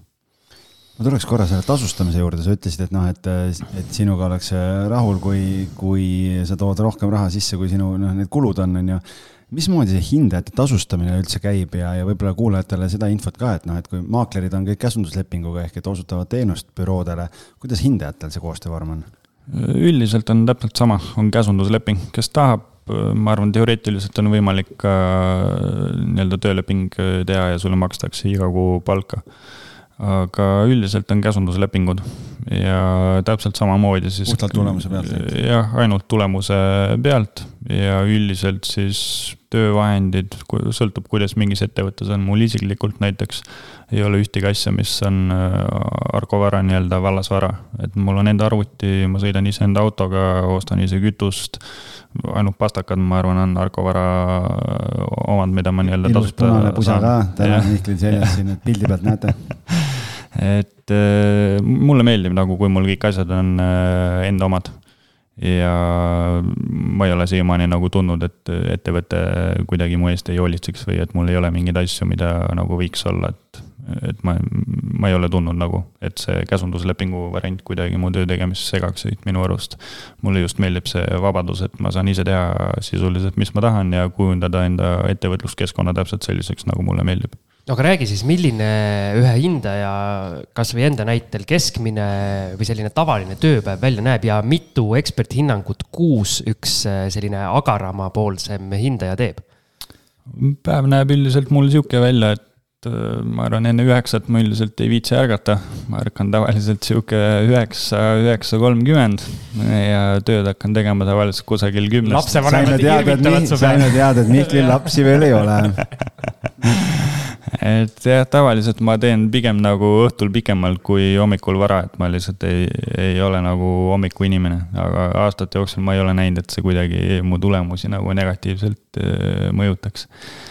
Ja palju töid üks hindaja teeb, noh, see sõltub pigem sellest, mis tüüpi töid ta teeb, et kui sa hindad ainult ärikinnisvara, siis äh, on suhteliselt äh, sage see, et sa jõuad päevas ainult näiteks ühe töö teha või pool tööd või ainult ühe kolmandiku. aga kui sa ainult elamispindu hindad, siis ma arvan, päevas sihuke vähemalt kaks tööd on äh, suhteliselt okei okay., vahel isegi kolm, kui sa hindad ainult kortereid näiteks või samale päevale satuvad ainult korterid ehk siis kuu lõikes tervikuna, ma arvan, sihuke tavaliselt nelikümmend, viiskümmend tööd on juba suhteliselt okei okay see on, mina ei oska seda mahtu hinnata, aga noh, iseenesest. rahaliselt, kui me nagu ilma käibemaksu sisalduvatest summadest räägime, siis hindajad, kes nii-öelda keskmised on, siis ma arvan, nende kuukäive jääb täna seal kusagil seitsmest kuni üheksa tuhandeni, pluss käibemaks. ja natuke kõvemad vennad teevad iga kuu üle kümne ja eks on ka neid, kes teevad seal võib-olla kolm-neli-viis ja olenemata turusituatsioonist, nad ei jõuagi sealt kõrgemale, kuna nad on enda aja lihtsalt planeerinud selliselt, et nad ei, ei tahagi rohkem pingutada, et kellele meeldib, kui ta ühes kuus mingisuguse X summa teenib, siis tal võib-olla ei olegi motivatsiooni, et sealt nagu oluliselt rohkem teenida. see käive, mis sa praegu rääkisid, on see, mida sina ise endale teed või see, mida sa teed ettevõttele? see, mida sa teed ettevõttele ja see, palju hindaja sealt üldiselt saab, ma arvan, turul keskmiselt need algavad sealt kusagil neljakümne viiest protsendist. sihuke maakleritega selline suhteliselt sarnane jaa, ma arvan, ma paneks maaklerite käibele enamikes ettevõtetes natuke otsa sellele protsendile ehk osakaalule sealt käibest aga laias laastus jah, suhteliselt sarnane. kui sa oled seitsmenda taseme hindaja ja su käive iga kuu on üle kümne tuhande, siis äh, need protsendid on juba oluliselt kõrgemad. kusjuures mulle tundub, et äh, hästi huvitav. Eh, kui sa oled nii-öelda ekstrovert, eh, siis on mõttes, nii-öelda mõttekam minna nii-öelda maakleri teed, kui sa tahad kinnisvaras tegutseda. ja kui sa oled rohkem nii-öelda introvertne ilmselt, kes ei taha nii väga inimestega suhelda, siis eh, on hindaja amet palju, palju sobilikum. jah, põhimõtteliselt küll, aga kui sa nagu päris juba autisti poole oled, et siis ma, ma, ma arvan, et nende klientidega suhtlemine läheb nagu keeruliseks, et, et kui sa oled ikkagi pigem ekstravertne inimene, siis on näha nagu, et sa saad ka hindamise valdkonnas oluliselt paremini hakkama. ja sageli ütleme, hindajad, kes mingil hetkel otsustavad, et nad tahaksid ka maaklerid olla, siis ma näen ka seda, et nad saavad suurepäraselt hakkama, kuna võrreldes keskmise maakleriga nende juriidilised teadmised kui ka teadmised kinnisvarast on lihtsalt oluliselt laiemad ja inimesed pigem sageli pöörduvad hoopis nende poole kui, kui maaklerite poole, kes võib-olla lihtsalt ilusad on räägi nüüd äh, natuke rumalale ära, et kui see pikk hindamisakt tuleb, kas äh, iga selle objekti puhul, mida te hindate, kirjutate te selle, kogu selle keskmise osa, mis on kõik see makromajandus ja korteriturg ja analüüsid ja kas selle kirjutate iga, iga kord eraldi? Selle tavaliselt kirjutan mina. Kõigile. No, peaaegu kõigile, kes Argo varas hindamisega tegelevad ja see lihtsalt lihtsustab oluliselt nende tööd, kui seal töös on mingisugused osad, mida nad ei pea ise koostama, et põhiline, et nad teavad, mis turul toimub ja oskavad selle baasilt seal arvutustes mingisuguseid järeldusi teha. siis ma olen viimase, viimase paari nädala jooksul korra Mihkli tööd lugenud. No,, sest, sest ma tellisin Arko varast just ühe hindamisakti hiljuti praegu said plusspunkte sellega siin. jah, jah. väga hea, aga räägi siis äh, need ülejäänud osad, et noh, millistest äh, sammudest koosneb ühe hindamisakti valmimine, et, äh, et kuidas kogu see protsess algusest lõpuni välja näeb hindamistoimingud algavad tellimuslepingu sõlmimisest, ehk siis kas see on suuline või elektroonne või mingil muul kujul, et klient võtab sinuga ühendust, te lepite kokku selles, mida te hindate, mis on hindamise lähteülesanne, ehk mis on selle hindamise eesmärk mis vormis see hindamisaruanne on, et äh, eksperthinnang ei ole ainuke hindamisaruande vorm, on ka näiteks lühemaid, äh, mida ei saa näiteks pangale esitada, mida ei saa kohtule esitada, aga mis sobib näiteks finantsaruandluseks või nõustamiseks. ja seejärel siis lepitakse kokku objekti külastusaeg, minnakse sinna koha peale, hindaja teeb pilti, küsib küsimusi, inspekteerib äh, mingil määral seda vara ja seejärel hindaja siis hakkab arvutis nii-öelda tööd tegema, hakkab seda eksperthinnangut kokku panema ja kogu hindamistoimingu protsessi kõige viimane tulemus on siis hindamistulemus. et sageli turul inimesed proovivad tagurpidi seda asja alustada, et kõigepealt küsitakse, et kas hindamistulemus tuleb seal kuus tuhat seitsesada nelikümmend kaheksa tuhat või, või ei tule, aga sageli hindajal pole nagu õrna aimugi, kuna et sinna tulemuseni jõuda läheb nagu üsna suur hulk äh, aega ja kui sageli mingisuguseid kuulutuse pilte ainult vaadata ja siis pärast sinna koha peale lähed, siis võib sihuke noh, natuke teistsugune mulje sellest vara olemusest jääda, kui võib-olla esialgu tundus, et. no see on tegelikult äh, võib-olla küsin siia ühe kuulaja küsimuse ka siis kohe otsa ära, et meil Sander kirjutas ja küsis, et, et milleks on tavalist hindamist tehes hindajal üldse vaja koha peale minna, et noh, siin sa juba osaliselt vastasid selle ära, et et kogu info saab ju EHR-ist ja linnaarhiivist kätte ja fotodest, et küsin selle tõttu, et perspektiivi hindamisakti tehes pole ju hindajal midagi koha peal vaadata ja lähtutakse infost ja pank ometigi aktsepteerib sellist hindamisviisi laenu saamisel? no me peame alati mõtlema, et kui ta selle perspektiivi all mõtleb siis tõenäoliselt seda, et see on mingisugune vara, mida alles ehitatakse et nüüd, kui ma olen krediidiandja ja mulle saadetakse eksperthinnang, aga see hindaja pole seal isegi kohapeal käinud, siis no ma ei tea, kas ma julgeksin laenu anda, teades, et äkki seda asja üldse ei ehitatagi. või äkki seal ehitatakse hoopis midagi muud, mida ehitusprojekt ette näeb. saadad internetis pildi, kopp on maas, kõik toimib et et äh, jah, pigem on see sellepärast, et krediidiandja saaks veenduda selles, et see vara ka päriselt äh, on või saab olema selline, nagu väidetakse et sul võib olla küll pooleliolev ehitis ja seal ei ole justkui midagi vaadata, aga kui riiklikust ehitisregistrist ütleb, et seal ehitusloas on kolm korrust, aga juba tehakse viiendat, noh siis äh, on nagu natuke jama, kui see hoone valmis hakkab saama. aga kui on lubatud viis korrust ja tehakse alles teist, siis sa ei oska ka ju öelda. ei, siis nagu kas pole... tuleb viies või ei tule? jah, et siis see on krediidiandja risk, et äh, mina kui hindaja olen vara ülevaatuse käigus veendunud, et siiamaani asjad on suhteliselt sellised, nagu on justkui ette nähtud, et minu küsimus äh, hindamisaktides on alati üks võrdlusmoment on ka see nii-öelda materjalide kvaliteet, mida on äh, kas siis renoveerimisel või ehitusel kasutatud, et, et kas äh, see tähendab seda, et vabal ajal sa pead käima ka ehituspoodides vaatama, mida parasjagu müüakse, mis need hinnad on ja nii-öelda katsuma nii-öelda näpuga ka, et kui kvaliteetne mingi asi on. Äh, aeg-ajalt ikka jah, turule lisandub mingisuguseid uusi materjale, mida nagu ei tea või mille hinnaklassi osas äh, võid olla sihuke kahtlev, et järjest rohkem näiteks kasutatakse MDF paneele korterites näiteks lagede viimistlemisel, mis oma olemuselt võib-olla sageli näeb väga hea materjal välja, aga tegelikult ta ei ole väga kallis, et et sageli võib olla viimistluspindu, mis on nagu justkui väga hästi tehtud, aga tegelikult tuleb välja, et need ei maksa väga midagi et ma arvan, äh, flipijad äh, peaksid seda nagu oluliselt ära kasutama, kuna keskmine kinnisvara hindaja ehitusmaterjalide teadmiste osas tõenäoliselt on suhteliselt nõrk. pigem ikkagi keskendutakse sellele, kuidas tarbija seda vara hindab, ehk siis kuidas ta visuaalselt välja näeb.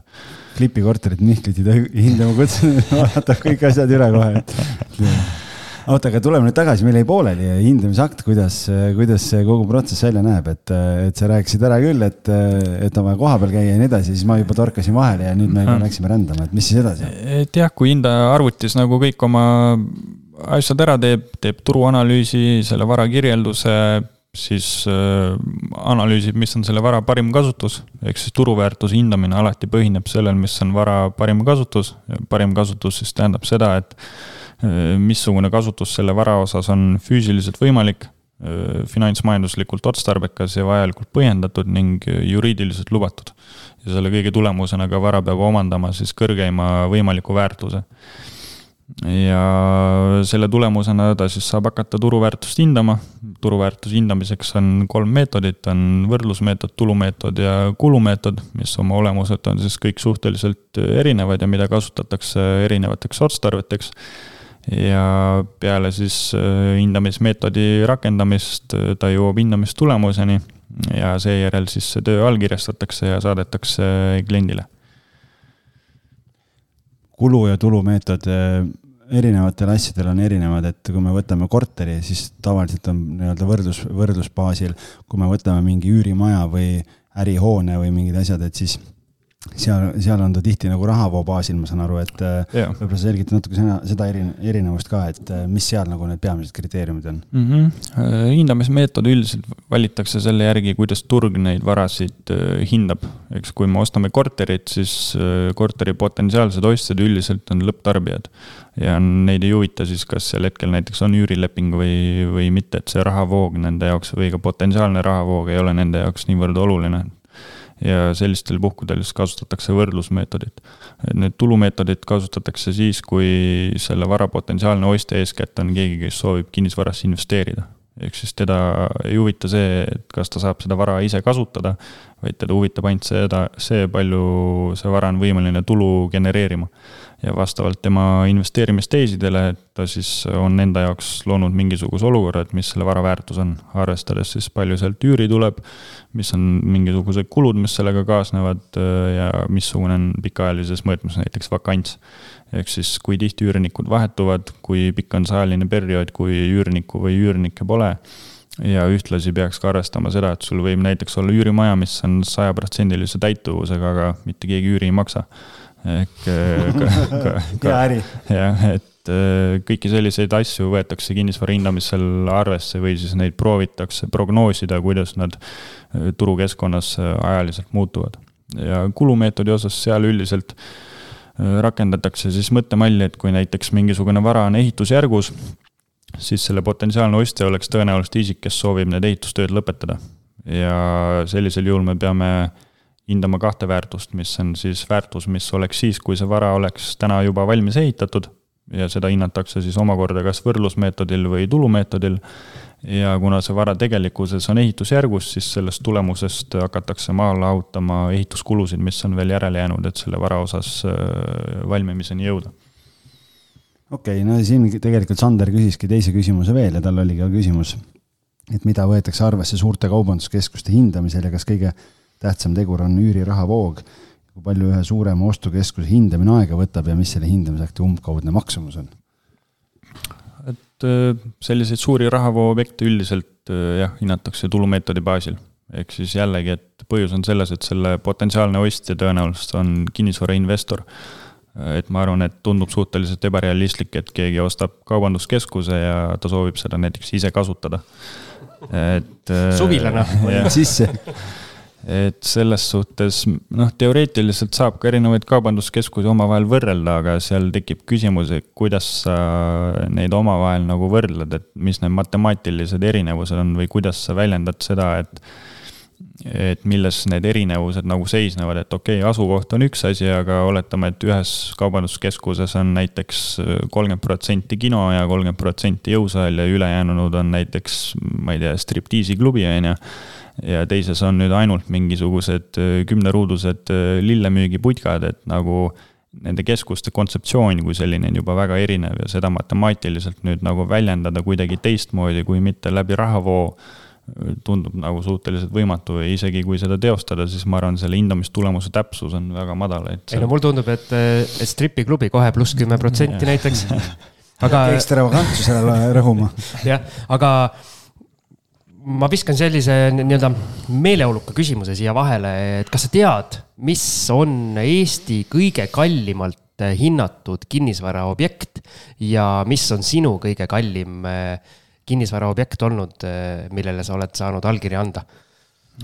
kuna me üldiselt ei tea, mida teised hindajad turul hindavad või noh, see ei ole kuidagi kuskilt registritest meie jaoks avalikult nähtav teave, siis ma, ma ei oska öelda, mis kõige nii-öelda kõrgema hinnaline äh, kõigema väärtusega siis äh, vara võib olla, aga mul omal, ma arvan, et siuksed kõrgema turuväärtusega varad jäävad seal kusagile kahekümne miljoni juurde.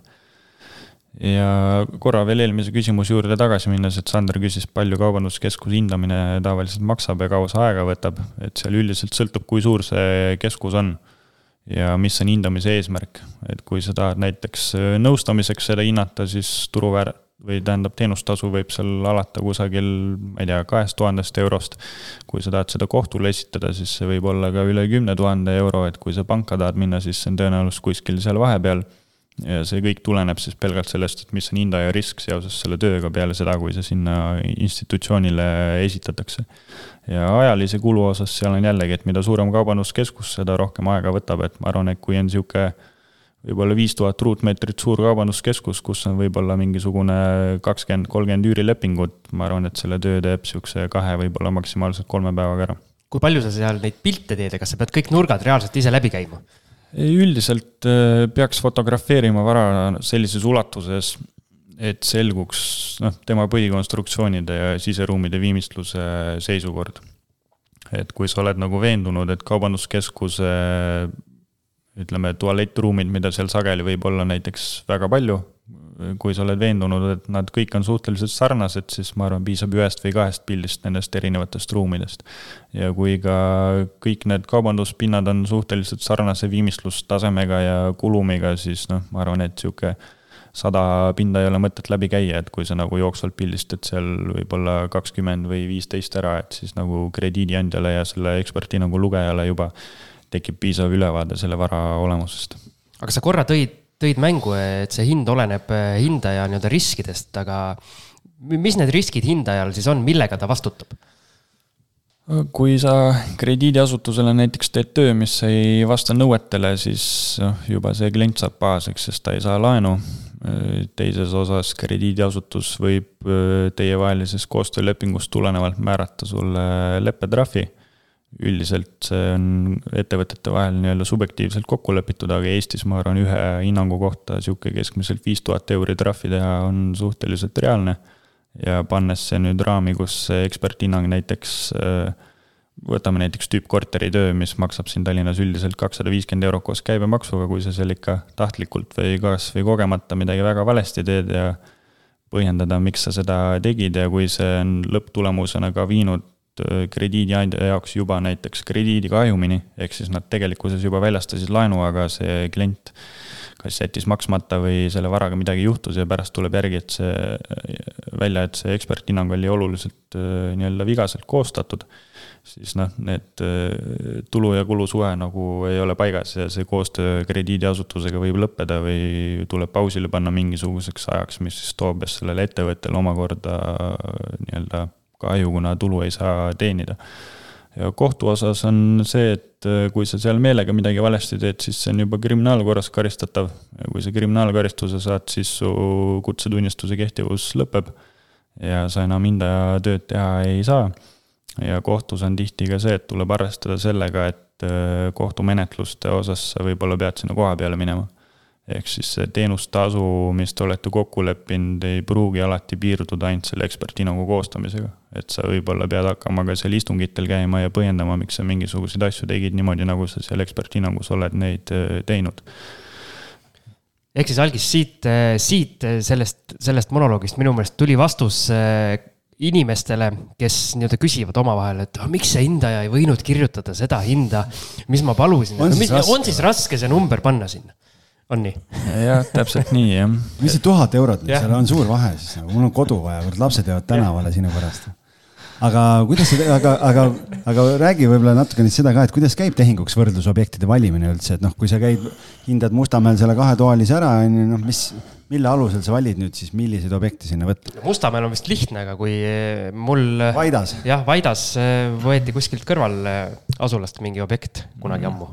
Vaidas ma alles hiljuti käisin, oli üks korter, mille enampakkumisel ma ise ka osalesin kaks aastat tagasi, aga ma kaotasin selle. mis majas see oli? ma aadressi ei mäleta, aga see oli.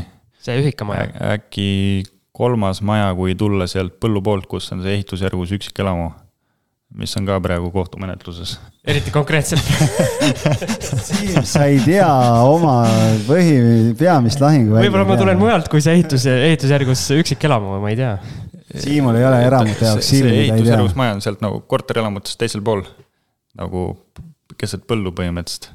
kas kui... sa tuled ikka nagu nii-öelda Tallinna poolt või Tartu poolt? kui Tallinna poolt tulla, siis on vasakut kätt Äh, ma peast ei mäleta, kas ta on enne. ma olen, sõidan täna läbi. Siimul on silmaring nii lai, et teil ei kahe silma vahele. võib-olla ta on sinna Vaidasoo poole äkki, ma olen lihtsalt segamini, kuna nii tihti seal piirkonnas ei käi, aga okay. aga ei, ma sain võrdlusobjektide osas Vaidaga täitsa hakkama, et ei, ei, nüüd on okei okay,, kus sa mina, ma olen seal kõvasti ostnud ja müünud, aga kui ma esimest korterit seal ostsin, siis äh, saadi vaid kaks võrdlusobjekti sinna okay. ja kolmas võeti siis, äh, seal lähedal on selline koht nagu Patika, võeti sealt mm. -hmm. jah, eks erinevaid keskusi asuva osas saab nagu kohandada, aga seal ongi, kui need turud on suhteliselt madala efektiivsusega, siis tekib küsimus, kuidas see hindaja matemaatiliselt nagu põhjendab, mis nende keskuste hinnaline erinevus on asukoha lõikes kui ma nüüd tahan Vahakulmu oli või? Vahakulmu korterit osta, tehinguid tehtud ei ole, sa tuled hindama sinna, mis saab? ma arvan, et et Tapa lähiümbruses äh, seal neid analoogseid keskusi jagub. et seal ei ole probleemi. aga kui me võtame, noh, aga võtame mingi tüüppkorteri ikkagi, et kui sul on nüüd, võtad, kas pigem vaatad nii-öelda sama trepikoja kortereid, vaatad sa sama maja kortereid, vaatad sa sama seisukorra kortereid või mis need peamised valiku alused on?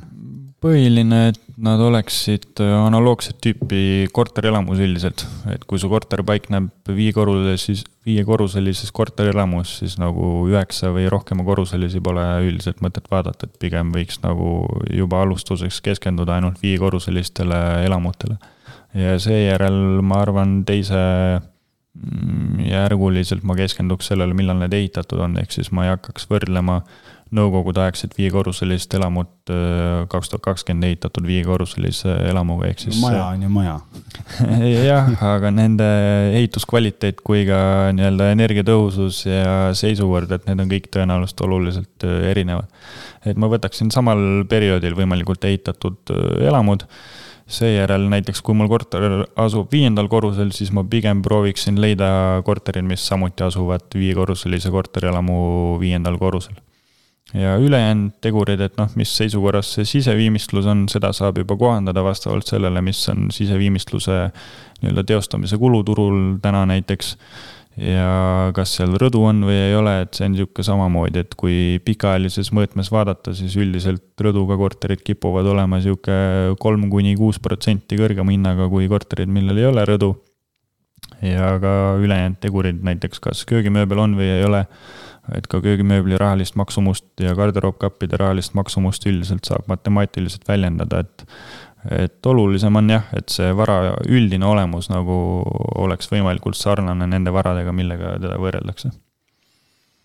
kõige tähtsam küsimus, mida me nii-öelda hindamise koha pealt ka üritame siin algisega alati, alati küsida, eriti meeldib see mulle, et kuidas nüüd, kui mul on äh, kasvõi selline nii-öelda kiire flipi projekt käsil ja mul on huvi ikkagi äh, teha võimalikult vähe, aga võimalikult palju tõsta seda korteri väärtust siis hindamisaktis. kas on mingeid lihtsaid nippe, mida teha või mitte? Ma arvan, mis kinnisvara hindamist puudutab ja üldist tarbija käitumist, siis ma arvan, kui sa näiteks äh, jätad vana põranda ja teed uue põranda sinna peale, ilma et sa laake või, või uut põrandat valama hakkaksid äh, või laake vahetaksid, siis ma arvan, keskmine tarbija ei pane seda tähele. ehk siis sageli tüüppkorterite lõikes on tegemist suhteliselt mõttetu kulutusega. ja üldplaanis ma arvan, vara peaks visuaalselt võimalikult hea välja nägema, et et äh, ka hindaja on selles suhtes ikkagi emotsionaalselt mõjutatud. et sul võib olla väga kallitest materjalidest tehtud siseviimistlus, aga kui see näeb äh, sihuke kole või, või kahtlane välja, siis ma arvan, et see ei ole nagu võib-olla piisav argument, et see vara peaks oluliselt kõrgema turuväärtusega olema kui mingisugune muu sarnane vara. tuleb hindaja õhtul viie ajal kutsuda tühja kõhuga siis teed mingi head söögilõhnad, asjad sinna. hämara valgusega siis emotsionaalselt mõjutatud kohe, et.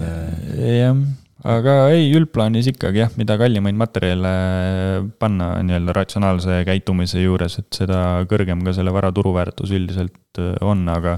ma arvan, kõik inimesed, kes on korterid müünud, siis nad ju teavad, et tarbija tõenäoliselt seal põrandat üles kiskuma ei hakka, et vaadata, mis seal all on ja kuskile seina sisse ka puurima ei hakka, et teha mingisuguseid proove, et mis seal seina sees on, et et kõik asjad. mitu mis... kihti ajalugu seina sees on jah, et kõik asjad, mis peidetud on, selles osas hindajal on nagu väga raske tegelikult seisukohta võtta. et see varaomanik või vara presenteerija võib sulle küll öelda, et siin on kõik põrandad vahetatud ja see on vahetatud ja seina sees on tehtud seda, aga tegelikkuses sa ju seda ei näe, et. et sa võid hindamisele küll sellest teabest lähtuda, aga pärast ongi, et tuleb jälle mingi kohtumenetlus ja klient kirjutab sulle, et tegelikkuses ju seina sees niimoodi ei ole või elektrijuhtmestik ei ole vahetatud ja sein läks seest äh, põlema ja noh, igasugu asju on siin aastate jooksul juhtunud, aga üldiselt hindaja nagu pädevus ja vastutus on piiratud sellega, mis teavet talle esitatakse ja mis teave talle kättesaadav on. Sa enne rääkisid äh, hästi palju sellest, et noh, et siin väiksemates piirkondades ka, et kui kasutatakse seda KredExit ja tehakse maja korda ja nii edasi, et kui palju korda tehtud maja renoveeritud maja tõstab hinda versus see, et kui nüüd Siim tahab osta korteri mingisse majja, mis on renoveerimata versus, et maja juba on korras, et kui palju see hinnavahe on? turul üldiselt statistiliselt keskmiselt viis kuni kümme protsenti. ja see protsent on suurem siis, kui vara väärtus on madalam, ehk siis ma arvan, Vaidas sihuke kümme protsenti on õigustatud, aga Tallinna kesklinnas ma arvan, sihuke viis protsenti pigem kas Vaidas on mõni korda tehtud maja ka, Siim? korda tehtud või? no renoveeritud. kuule, kuule. ma olen korra läbi sõitnud sealt, ma nii, nii täpselt ei vaadanud. Vaida on ikkagi metropol põhimõtteliselt okay. võrreldes Assamaale. jah, seal vist ei ole küll ühtegi, jah.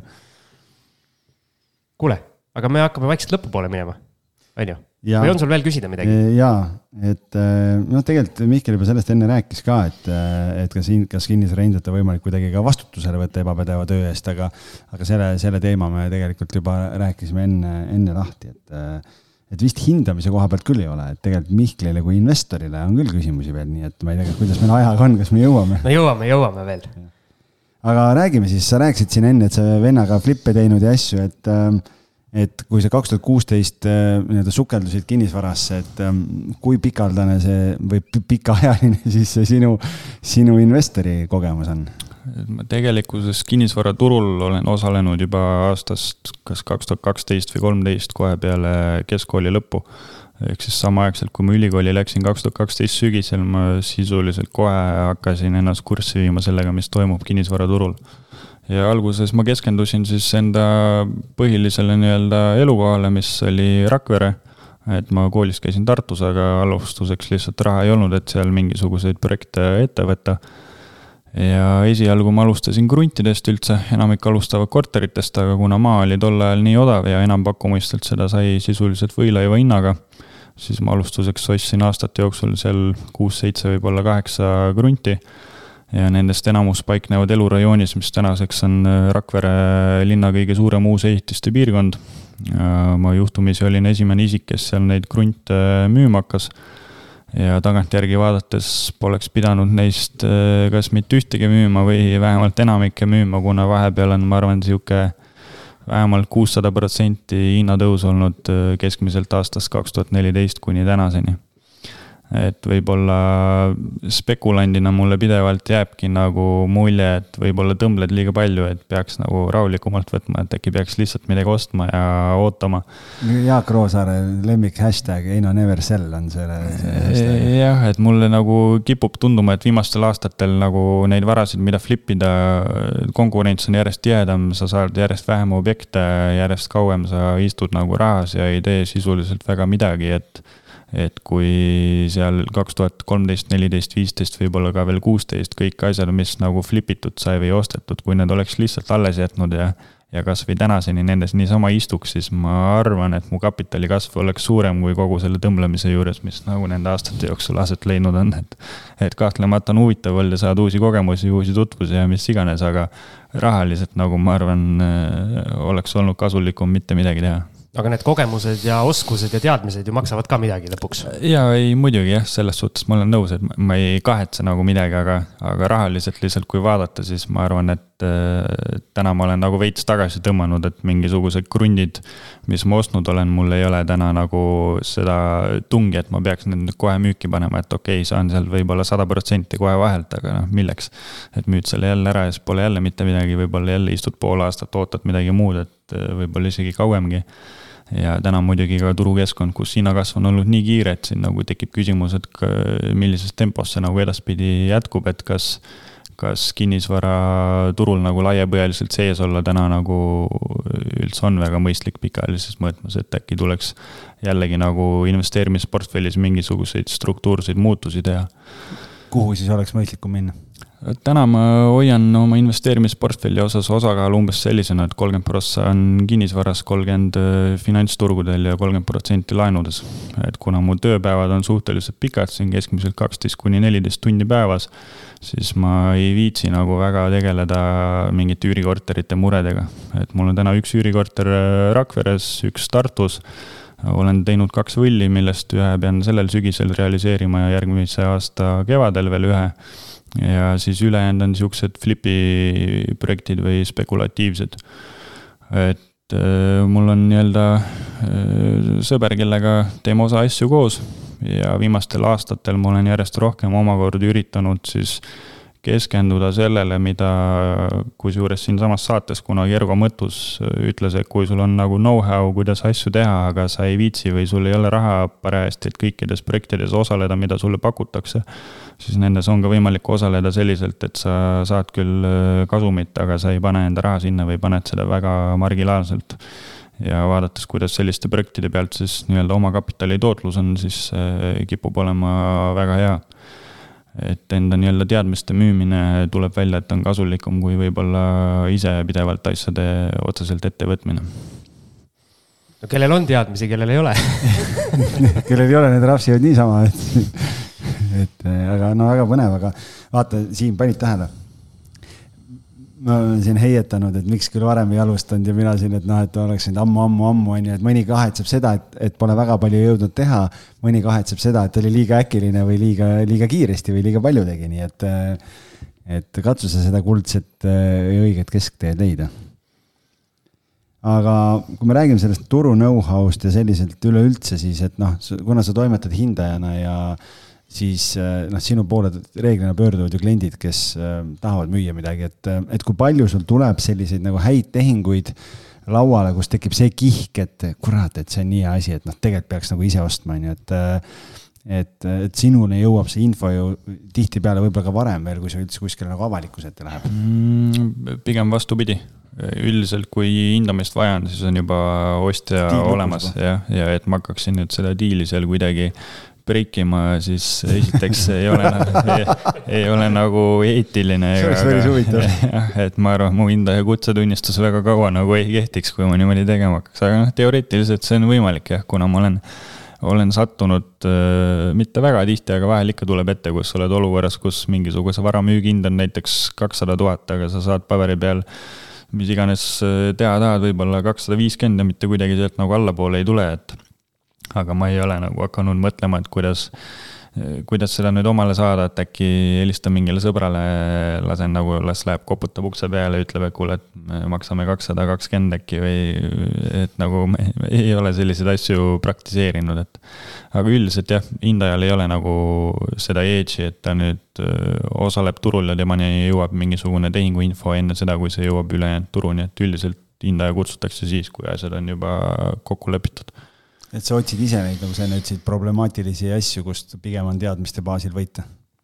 jaa, et äh, aastate jooksul muidugi, kui sa osutad hindamisteenust äh, erinevatele isikutele, kes tegelevad sarnaste asjadega, nagu on sinu huvid, siis on tekkinud suhteliselt suur tutvusringkond, kus näiteks sul on mingisugune objekt, mille ostmiseks on, ma ei tea, kümme päeva aega, kuna mingi enampakkumine lõppes ja sa võitsid selle.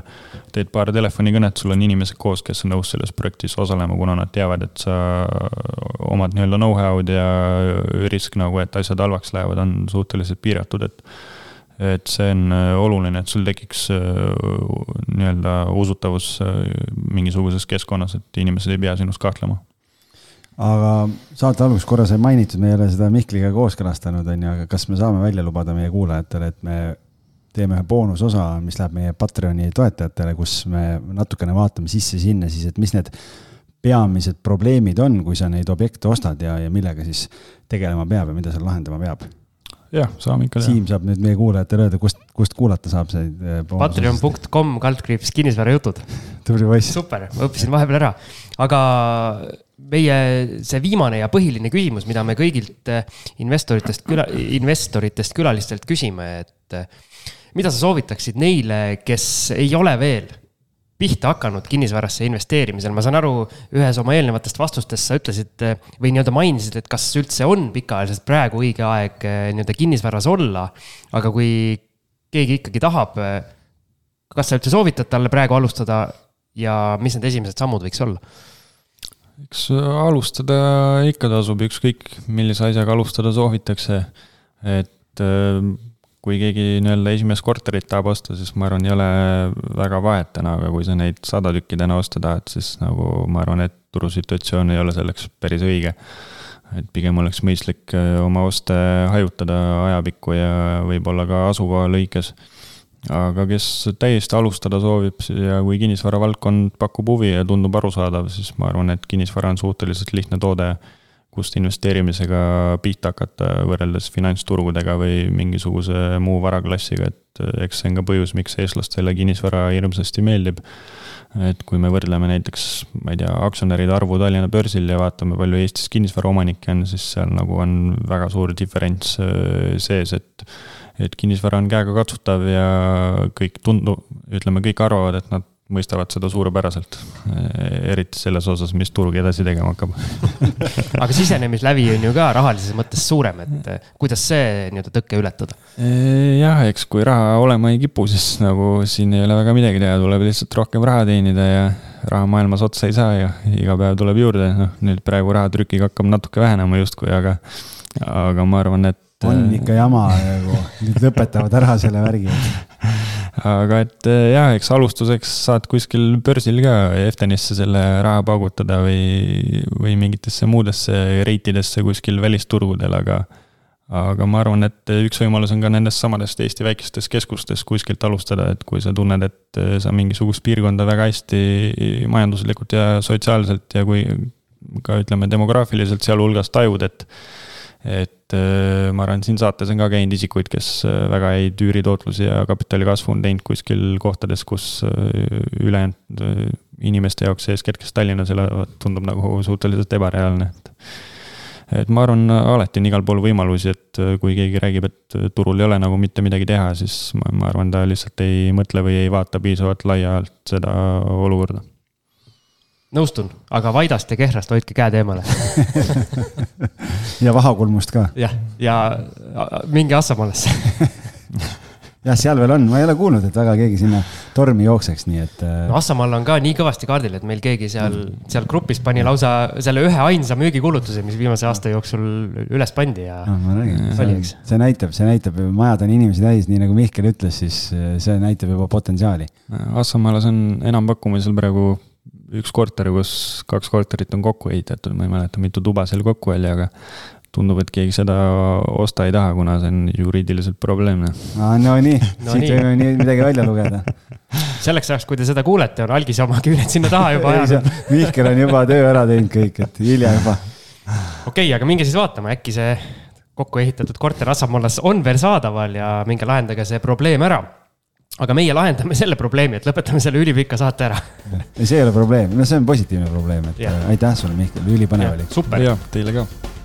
ja meie kuulajatega kohtume siis Mihkliga boonusosas. tšau.